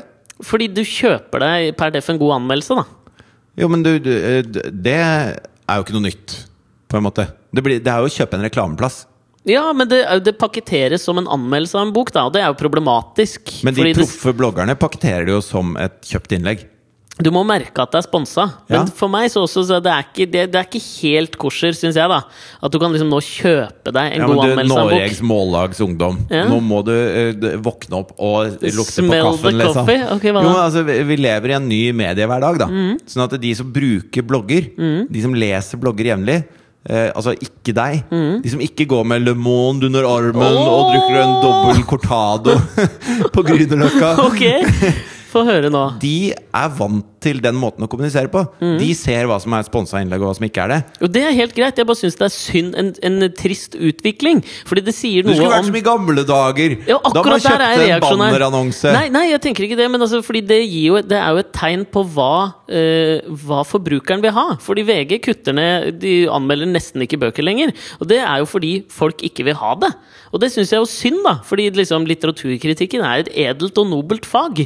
Og det vil jo si at hvis du nå må kjøpe deg en plass hos en blogger for å få noe som ligner på en anmeldelse, så er det altså sånn Jeg skjønner jo dem. Fordi de må ha bø Det selges jo mer bøker nå enn det gjorde for ti år siden. Men det er ingen som vil ha anmeldelsen av bøkene i avisene. Så det, det, Hva det er en sier det synd- om litteraturkritikeren, sier jeg. Ja, det det er Hvis det selges mer bøker, men færre ved anmeldelsene. Ja, det, er en trist utvikling. Er, Eller kanskje det har blitt målbart hvem som er interessert i disse anmeldelsene. Kanskje det ikke var målbart før når det var en del av en papiravis, og så Ja, plutselig kommer det på nettavisen, og så viser det seg det er ingen som noensinne har brydd seg om disse jævla anmeldelsene. Man går i bokhandelen, og så snakker man med de som jobber der, og så kjøper man en bok. Og folk kjøper mer bøker nå. Ungdommen leser mer enn ungdommen gjorde da vi var unge. Ja, de gjør kanskje det. De gjør det. Ja, ja men det, Og det er jo Bare se vel på og bra. bestselgerlistene, så ligger jo liksom eh, Ikke sant eh, Jo Nesbø jo, men på også, også, altså, også Harry Potter og Mm. eh, Hunger Games og ungdomslitteratur. da Mm. ligger, altså, Hunger Games er jo eh, deres Ringenes herre. Ja, Ja, men det jeg det. det. Men det, altså sånn, det som er problemet med det, er jo at de smale utgivelsene, som kanskje er øh, kvalitativt liksom litterært bedre, blir borte i en slags jungel nå, for da blir det jo si at de som har mest penger til å betale for en slags promotering, da selger du mer bøker. Og det syns jo fortsatt. Du kjøper deg jo en plass i en bokhandel, og det er derfor liksom de samme bøkene nødvendigvis vil ligge på toppen av bestselgerlistene. Derfor Jo Nesbø, når han kommer med en ny bok, så ligger han mest synlig i bokhandelen, og da er det lettest å plukke den med seg. Jo, men men det er jo- trist utvikling, mener jeg. Jo, men utvikling og utvikling, har det ikke alltid vært litt sånn, da? Nei, det har ikke alltid vært sånn. Jo, altså eh, Kiosklitteraturen har alltid solgt i bøtter og lass, bare at det ble solgt på kiosker før. da Mm. Nå har kiosklitteraturen flytta seg fra Statoil og Shell Inn på, inn på bokhandelen. Tandem og Nordli. Ja, og det, og det tror jeg ikke betyr at lesemønsteret har forandra seg så innmari. Det betyr bare at, eh, at de som liker de smale nisjebøkene Du kan jo sitte der og si Å, det er så trist at alle ser på James Bond. De burde heller sett denne indie-filmen fra Italia som ble laget av syv menn uten penger. Ja. Som jeg syns er utrolig bra. Den varer bare i åtte timer. Og? Du, du kan holde på sånn til det blir tyter ut av øra på deg, men det kommer Ja, ikke til å skje. nei, og når det gjelder bøker, på- så er jeg bare glad for at folk leser bøker. Jeg. Du, jeg- At de får bilder i hodet og lever i en fantasiverden som er deilig og, og utfordrende. Og det gjør gjør du i Hunger Games også. Du er helt enig, altså, men de fleste ser nok filmen. Tror du ikke det forresten? Akkurat på Hunger Games tror jeg de fleste ser filmen. Men sikkert noen som leser bøkene òg. Men jeg synes det, Men altså, altså, det som er Game synd of med det Thrones selger jo som hakka møkk. Ja, Hunger det- Games selger som hakka møkk. Harry Potter er fremdeles liksom hver Jeg er jul. helt enig, jeg syns det er veldig veldig bra. Men man må jo også kunne si at det er en litt skummel utvikling, syns jeg, da, for liksom For kulturproduktet bøker. At nå er det liksom eh, Den nye trenden nå vil være at du kan kjøpe deg en, eh, en plass. Som pakketteres på en måte som skal liksom etterligne det som før var redaksjonelt og frittstående innhold. Som Det mener ingen leste! Ja, men de, det er jo noen som leste det! Ja, Det tror jeg er et fåtall. Fordi Ja, det øyeblikket mener- det kommer på nett, så er det jo ingen som trykker på det. Nei, men jeg, men, og jeg, jeg skjønner at de må gjøre det. Jeg, jeg skjønner, eller jeg skjønner ikke at de må gjøre det, men jeg skjønner at de gjør det. Men jeg syns det er jævla synd. Fordi liksom det at Vanessa Rudjord anmelder en eller annen bok, har for meg null verdi. Og det er det jeg, men på- det, er det jeg altså- syns er synd. Fordi at du Men er avskriver på en måte det- hele Du avskriver en hel yrkesgruppe, liksom, ved å bare si her har du 50 000 for å anmelde denne boka, og så gir du Da må du selvfølgelig gi inn en god anmeldelse. Da må den okay. yrkesgruppen begynne å jobbe i forlag isteden, da. Men de gjør jo til, til tider det, da. Ja, men, da, sant, du da ser jeg ikke noe problem med det. Hvorfor ikke det? Nei, fordi at jeg syns jo anmeldelser generelt går på et eh, ofte et feil grunnlag. Et grunnlag som ikke har noe med sluttbrukeren å gjøre. Det gjelder innen musikk, det gjelder innen bøker, det gjelder innen film, det gjelder innen masse ting. Ja. Så, så anmelder de på basis av sine høyverdige prinsipper, som ikke alltid gluer med det folk er ute etter når de skal ha en bok eller en film eller en skive Ja. som de er hypp på å høre på. Eh, og da, da syns jeg at uh, ofte så Da er jeg mest bevandra i musikkanmeldelser. Mm. Men jeg mener jo, det jeg har sagt før i podkast også, at hvis du skal anmelde en plate, så må du si uh, noen få ting. Du må si 'hva er det dette minner om'? Mm. Sånn at hvis du liker Hvis du liker Vafler, så kommer du til å like dette òg. Nei, men liker du Tom Waits, så liker du Mhm. dette også.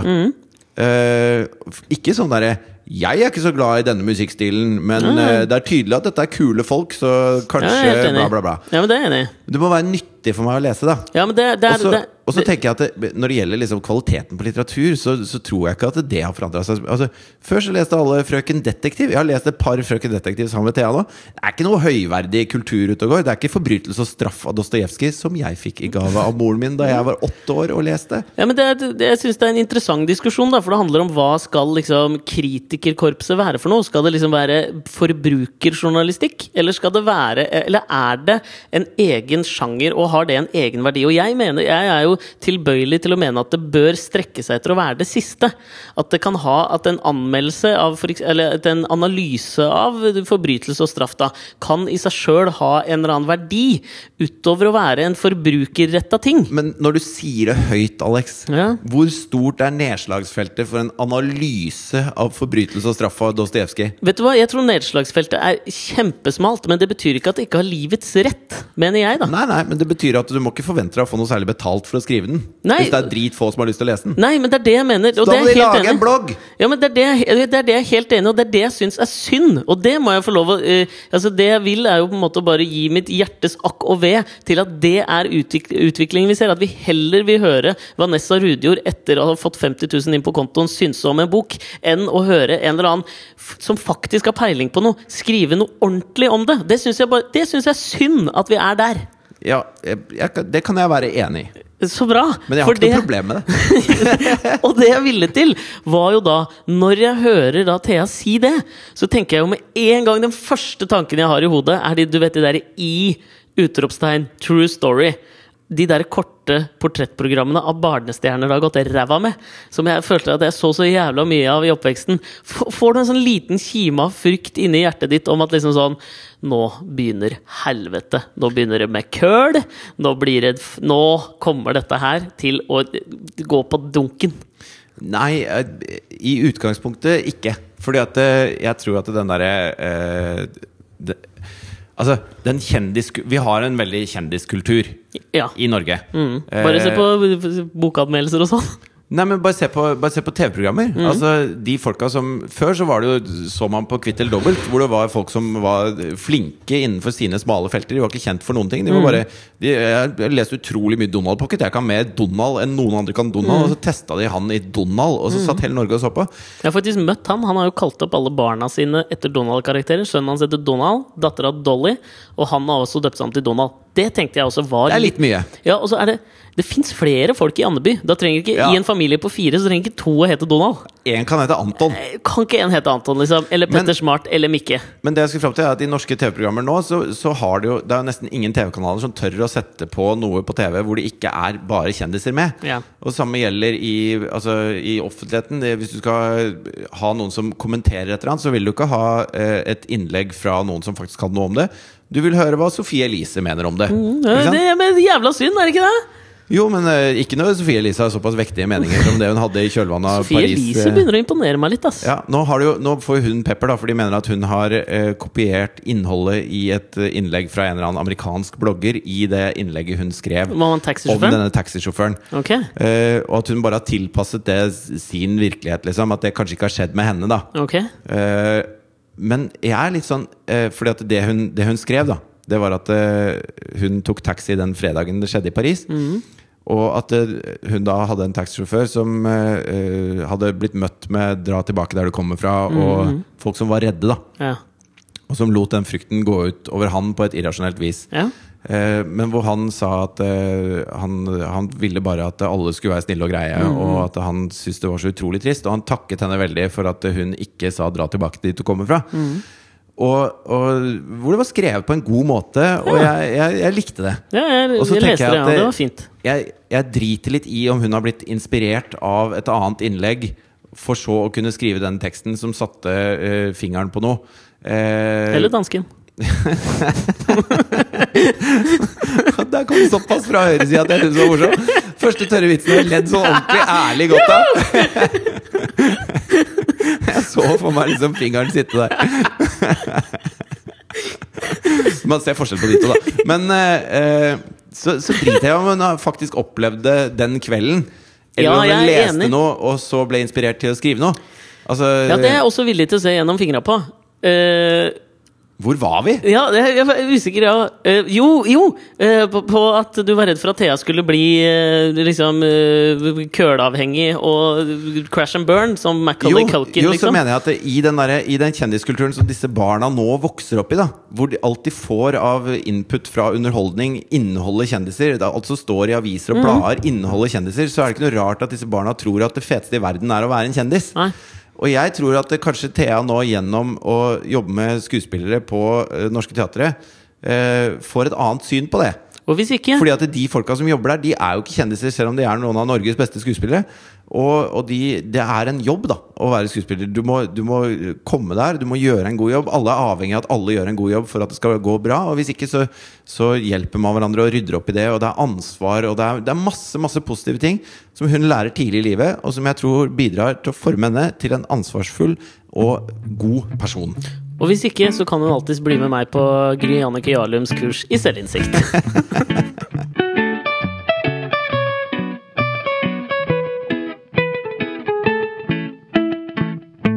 Men apropos, apropos Thea. eh, Jeg var i Sofiemarparken og lekte her om dagen hvor, med henne og Jonathan. Og da blir det jo til at jeg holder på med Jonathan, for han er ett år. Ikke sant? Så han er ikke fullt så mobil og selvdreven. Ja. Mens Thea fløy rundt og holdt på. Og så er det en sånn, et skur der. Løp hun rundt og sa 'jeg skal bli kjendis'? Nei, dette var før hun visste at hun skulle bli kjendis. Okay. Hvor det da eh, gikk an å klatre opp på taket av det skuret. Og det er jo supergjevt for Ja. barn på åtte til ti år. Ja. Hvor hun var der borte, og så kom hun løpende tilbake til meg. Og så sa hun at eh, du må bli med. Det er en gutt som sitter oppå på taket, som har spytta på meg mens jeg prøvde å klatre opp. Spytta meg i håret og i ansiktet. Ok! Og så blir jeg sånn Ja, det er jo ikke greit.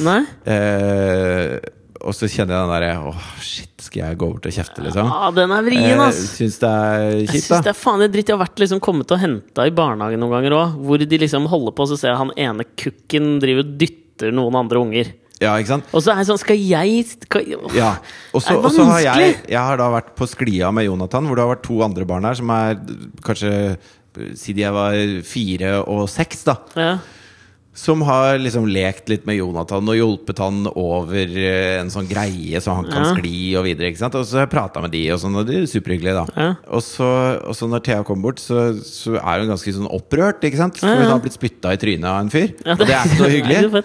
Så tenker jeg ja, ja. Og så tar jeg Jonathan på armen, så kommer jeg bort, og da står han gutten som tydelig er en obsternasig liten rass. Drittfuck, ja. Ja, ja. Må ha lov å si om barn. Ja. Noen barn suger, ja. han var kanskje tolv, ikke sant? og da er det sånn du burde vite bedre, kompis. Ja. Men han står sammen med sine to søsken, okay. som er da de to barna som jeg har lekt ganske mye med Jeg den siste timen, ja. og sine to foreldre. Mhm.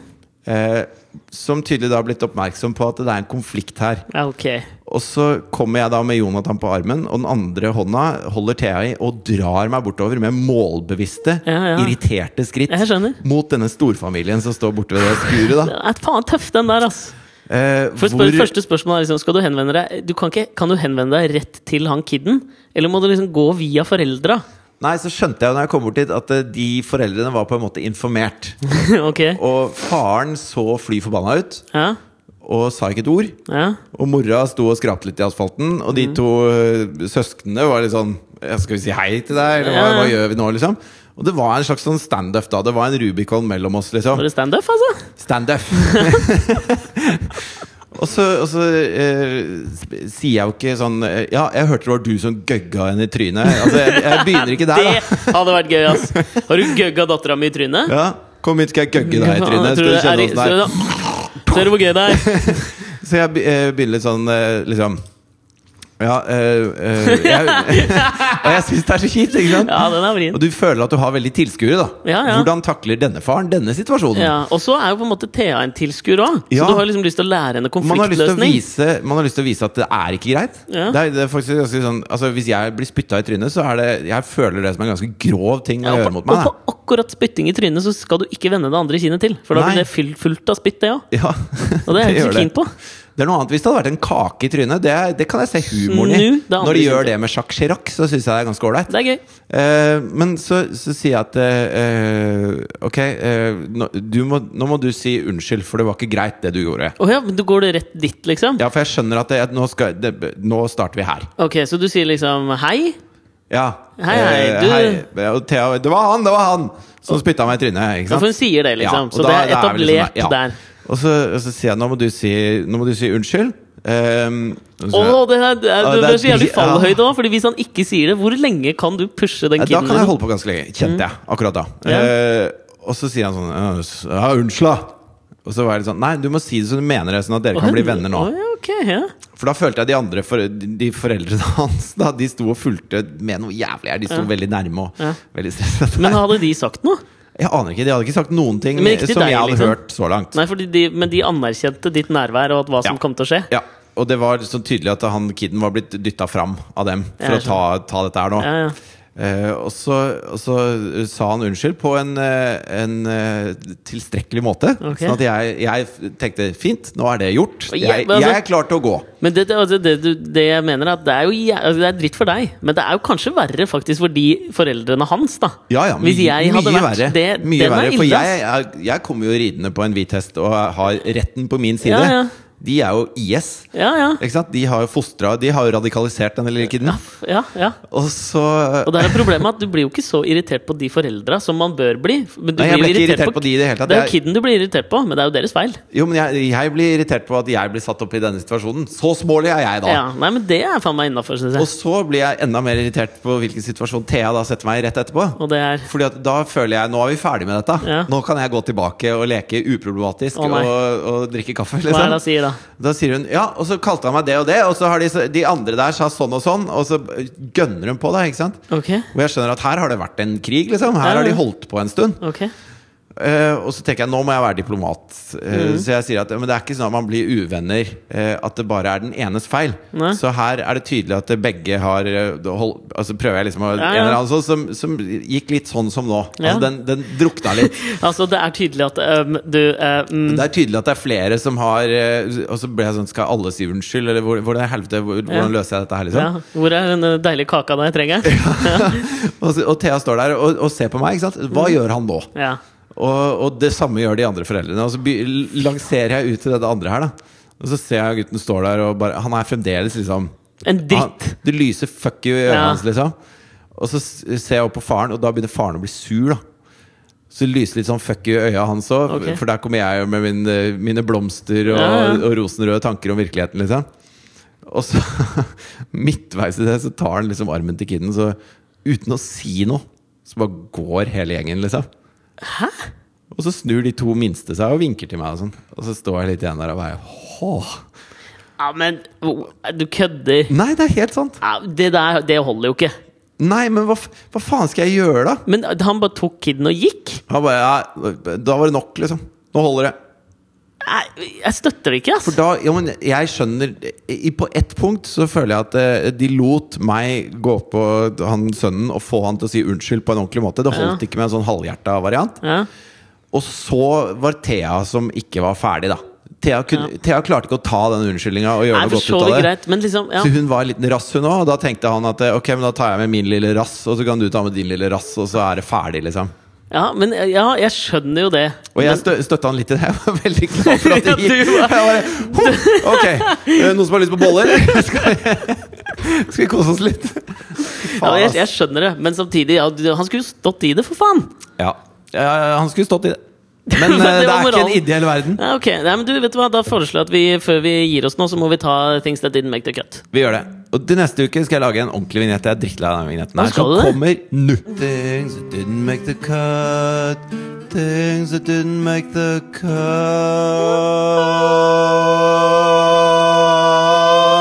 Nå merker jeg at jeg er veldig spent først og fremst på neste ukes vignett. Får jeg være med i den, eller? Ja, ja. Ok, kult. Det Det, er jo du som alltid begynner med Things That Didn't Make The Cut. ja, og jeg har så jævlig mye på det i dag Ja, men vi må velge ut noe, da, vet du! Nei, det klarer jeg ikke. Ok. Så dette blir et lite segment fra min side her. en Altså. oppramsning, da. Det blir altså Vi må begynne med eh, det jeg har notert som mannen i Finansavisen. Ok Som, eh, Når begynte du å lese Finansavisen? Nei, jeg gjorde det mens jeg venta på kaffe på Yo and the Juice. Oh, jeg skjønner. Men i hvert fall så, så er det liksom Lite en kompatibel avis å ha på Joe and the Juice, føler jeg. Ja, men det, det var egentlig en eneste Det var det og mann som lå der, liksom. de, ja, de må utvide det biblioteket der, føler jeg. Men så er det altså eh, en mann som eh, eh, har en dobbeltside i Finansavisen, okay. eh, hvor det står liksom eh, at eh, kemneren er det største helvetet på jord. da Ok, Livet hans blir ødelagt av skattekrav. ok Og, og det er synd på denne mannen. Det oser det av hele artikkelen. Liksom. Stakkars jævla fyr. Okay. Han har fått livet sitt herpa av kemneren. ok, hva ja? Og så blir jeg sånn Jøss, åssen klarer du å havne så i møkka, liksom? Ja. Eh, fordi han hadde skattekrav på millioner og gikk på trygd og var 78 år gammel. Og det var liksom Skal jeg si deg hvor det begynner? Det begynner Hæ? på en lekeplass på Sofienbergparken hvor du driver og spytter på andre kids. da Og så eh, begynte jeg å lese, da. Og så var det noen ting i den artikkelen som, som stakk seg litt ut. da Som okay, gjør at du begynte å få et bilde av denne fyren. Og da sprekker den overskriften lite grann. Altså, sympatien sprekker. Ja, eh, fordi at han han, eh, han han skrev I ingressen så står det liksom at eh, Og skylden for dette her ligger på noen dårlige valg, men hovedskylden ligger på den, den beinharde holdningen til skatteoppkreveren. Okay, okay, ja. Ikke sant? Og så viser det seg at eh, han har drevet da 15 selskaper parallelt. Det er første, første faremoment. Ja. Og de har drevet med eiendom og litt småindustri. Ja. Han skriver at eh, det er rigide saksbehandlere i Statens innkrevingssentral som var hovedskylden i at dette har gått på ræva. da Eh, og så skriver han at eh, det var også en, en, eh, en revisor de ikke var helt fornøyd med underveis. ja. Ja, ja. Eh, Og så var det en eh, Og så sier det i artikkelen Men hvordan kan bøtene komme seg opp i 2,5 millioner uten at dere er veldig sløve selv? Og så skriver han da Ja, altså vi har gjort det vi kunne. Og med tolv aksjeselskaper parallelt blir det fort en halv million kroner på et år. Da er vi fremdeles oppe i fem år for å skaffe seg 2,5 millioner kroner. Ja, ja. Så Altså i revisorutgifter, da, på en måte. Nei, i, i, i krav fra Ja, skatt, eh, moms, ubetalt whatever, skatt. Ja, okay. Ikke sant? Ikke innlevert regnskaper osv. Ja, ja, ja. Så, de hadde da en, eh, en revisor som eh, plutselig Altså de forhåndsbetalte en revisor som plutselig omkom. Ok. Eh, Det er jo et, et problem. Ja, det, ja. det satte dem tilbake tre år, da. Og, ja, okay. og så Men var det altså, han har vel gjort jobben, så den ligger jo der. Og så begynte liksom å bli litt pressa av reporteren. Ja. Og så avslutta han med dette sitatet her. Du, altså, da skjønner du bare at han er så skurk at det tyter okay. etter. da Jeg var hjertesyk i perioden, Og det, start, det hele startet da jeg ble utsatt for attentat av torpedoer som hadde rasert huset jeg bodde i. For det bare Ok, du har drevet 15 parallelle skurkefirmaer og er overraska over at staten har noe å utsette på det du holder på med. Og Det er tydelig at det er mye penger inn og ut, og det er ikke bare staten. Du har også torpedoer som er ute etter å ta livet av deg. Kompis, du høster som du sår. Det er ikke noe synd på deg. Nei, den, var, den er grei. Ja. Men Didn't make the cut. Du, jeg har en ting som, som jeg bare har lyst til Jeg har nevnt det til, jeg nevnt det til deg utenfor podkasten. Ja. Men jeg, må, jeg har så lyst til å ta det opp her også, Fordi at vi prata for to uker siden om Harald Eia versus Linn Skåber og hele den debatten der. Bla, bla, bla. Ja, og da prata jeg med en venninne senere på kvelden som, øh, som har noen sånn månedlige møter oppe på Blindern med, på, med masterstudenter i sosiologi. Ja. Som fortalte henne Og dette var jo den samme fredagen som hele den der debatten med Harald Eia eksploderte. Så hadde hun vært der oppe, og da fortalte hun meg noe altså, som jeg, jeg kan ikke forstå det, som fikk meg til å sette spørsmålstegn ved hele jævla det sosiologiske forskningsprosjekt. Som er da at eh, sosiologistudenter oppe på Blindern har i, alle, i all overskuelig fortid så har de jo eh, hatt eh, undervisning på engelsk. Men de, okay. har, eh, men de har da på masternivå en trend som går ut på følgende. Det er at hvis det lenge så var det på en måte den franske skolen som var veldig hipp, og det var den du skulle liksom sverge til i sosiologien. Og da snakket alle på masternivå eh, engelsk med fransk aksent. Sånn allo, allo-fransk? ja.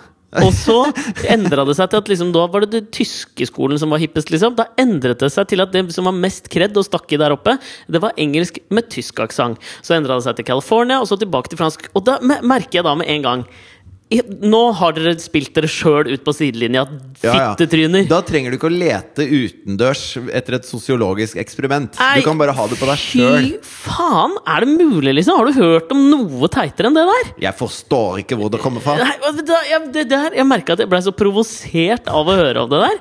For da føler jeg at alt dere dytter ut i offentligheten da, har null verdi. Takk for meg. Ferdig. Og så en til deg. En siste avsluttende. Okay. Things that didn't make the cut. Okay. Thomas Espedal. Ja. Forfatter? Man, ja, forfatter. Vil du sette han? vet Du er sikkert fan. Du, Du er jeg sikkert fan. er fan. Altså, jeg Ja. anbefaler alle å lese boka 'Gå' eller 'Kunsten å leve et vilt og poetisk liv'. Den syns jeg er dritbra. Imot naturen er ikke like Ja, den er også ganske bra. Han fikk jo sånn- Brageprisen for Imot naturen. Kjempebra, kjempekul forfatter, syns jeg. Det var han som liksom uh, coina termen kulturkjerringer da han havna i en svær diskusjon i Bergens Tidende mot alle disse middelaldrende damene som leste bøkene hans, som han ville ha seg frabedt at leste bøkene sine. Jeg syns han er jævla raffer. Ok, For han er nominert til en ny pris. Ok. Eh, Jeg vet ikke om du har fått med deg dette, men prisen for årets verste sexskildring i en kjempestor, sånn tung litterær eh, pris da Ok, ok, i. England. Ja. Eh, Hvor det er, du er, dette er en pris du ikke er hypp på, liksom. Nei, men det er litt som de der eh, Hva heter de der eh, den, hvor du får for dårligst skuespiller borti USA, som er det motsatte av Oscar? Ja, Det er sånn type greie. Åh, Og da, og da ser de ikke på Altså Det er ikke sånn at Aune Sand kunne vært nominert, For det, det ser de på som plump kioskporno, liksom. Ja, men det skal være i noe høyverdig litteratur. Ja, og da, og da er det ganske mange som er påmeldt. Da. Det, er, det er verdensomspennende konkurranse. Og når de Ja. har funnet fram til hans sexskildring i Ut mot naturen, Ja. eh, imot naturen, Imot naturen, ja. så, så er jo det en liten bragd, da. Okay. Så nå har han sagt at dette er siste gang han kommer til å forsøke seg på en sexskildring i noen bok. Det, men det liker. Men eh, jeg tenkte kanskje du hadde lyst til, siden du er litt fan av han, Ja. å lese den sexskildringen høyt. Det kan jeg For å se om det er noe som, som tenner deg, da. Men har du den der, eller? Jeg har den her, Ok, så- tilfeldigvis. Det er den som står i kursiv her. Okay. Skal vi legge på litt sånn sexy musikk, da? Er det, er det sånn der, litt sånn gammel San Francisco-funk som er sexy om dagen, Ja, mener du det, det kommer jo litt an på sexskildringen, tenker jeg, da. Ja, den er litt sånn uh, røff i kantene. Ok. Nå altså, til de av dere som er alene nå, bare knepp opp buksa. Nå skjer det. Alexander Lyhagen, scenen scenen er din. Litt cheesy musikk. Nå da. blir du kjendis. Fy faen. Hun legger ham i bakken, holder hendene hans fast mot gulvet. Hun kysser og slikker han i ansiktet. Hun biter ham i leppen. Hun biter ham i kinnet. Hun puster ham i øret, roper navnet hans i øret. Hun slår håret mot ansiktet hans. Hun holder hånden hardt over munnen hans og tar fra ham pusten. Hun rir over ham slik hun har forestilt seg at hun en gang skulle ri over en gutt, en mann, et dyr. Hun griper fatt i det lange håret hans med begge hender og rir over ham som om han er en hest. Jeg er helt enig i den prisen her. Jeg syns det er ræva. Jeg, ble, jeg var ikke bare jeg som ble litt kåt nå, eller? Jeg Ja, får men kåteredd. Ingenting av det hun gjør, høres spesielt godt ut. Hun biter den i nesa, biter den i kinnet, og hun, hun lugger den og, og ikke det litt, Og så- og så- eh, og så alt dette Syns det der var jævla Det var litt sånn frekt og fint, ass. ja, ikke sant? Det, er derfor, det er derfor noe litteratur passer for noen, annen litteratur passer altså, det, du, du må gjerne eh, polere hjelmen til eh, hans bøker, men jeg vil ikke anbefale det for dere andre. Nei, altså Jeg vil absolutt anbefale det. Altså, det er jo et, eh, er et sånt motstykke til den der kjipe, glorifiserte pornokulturen. Her får du det ekte og nevete. Ekte? Har du opplevd dette her noen gang? eller? Å, nei. Men det er lov å håpe, si. Ja, har du lyst til det? At noen skal ri deg som en hest? Ja, det har jeg. I full galopp, liksom? Yes, please! Vi høres neste uke, folkens. Gå inn og like oss på Facebook, og skriv gjerne noen kommentarer. Fortell om du ble kåt av det der. Ja, Begynn å snakke nynorsk, se om du blir kjendis. Gjør det! Og Ja. gjør det. Det støtter jeg alltid. Og så hashtag med Alex og Fridtjof på Twitter eller Instagram eller hvor nå enn du oppholder deg på sosiale medier. Ja, Og øh, øh, lytt neste uke, altså. Ha det! Ha det!